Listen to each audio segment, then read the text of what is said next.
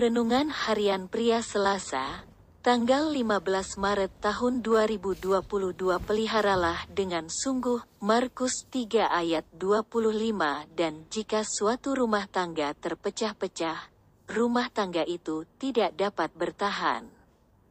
Dalam pelayanannya, Yesus banyak mengusir setan-setan yang merasuk orang-orang dan membebaskan mereka yang terikat.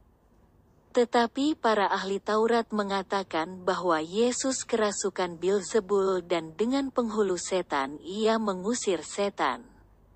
Lalu Yesus menjelaskan bahwa bagaimana iblis dapat mengusir iblis.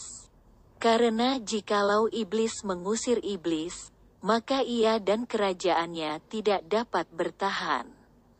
Yesus memakai gambaran suatu kerajaan dan keluarga atau rumah tangga mengenai pentingnya kesatuan.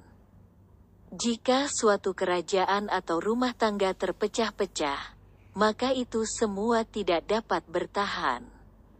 Kebenaran itu juga dapat dipakai dalam kehidupan sebuah rumah tangga atau keluarga.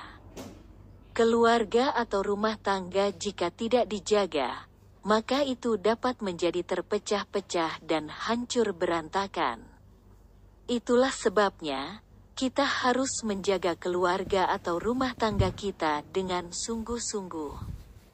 Jika kita tidak mempertahankan dengan sungguh-sungguh, maka rumah tangga kita akan hancur.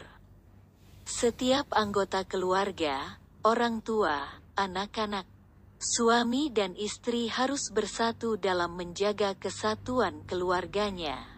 Libatkan Tuhan untuk menjaga kesatuan rumah tangga atau keluarga kita.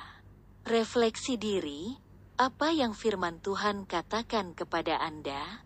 Bagaimana kehidupan Anda dengan firman Tuhan itu?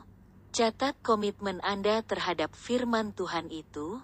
Doakan komitmen Anda itu, pengakuan iman. Dengan pertolongan Tuhan saya menjaga keluarga saya tetap utuh, bersatu dan memuliakan Tuhan.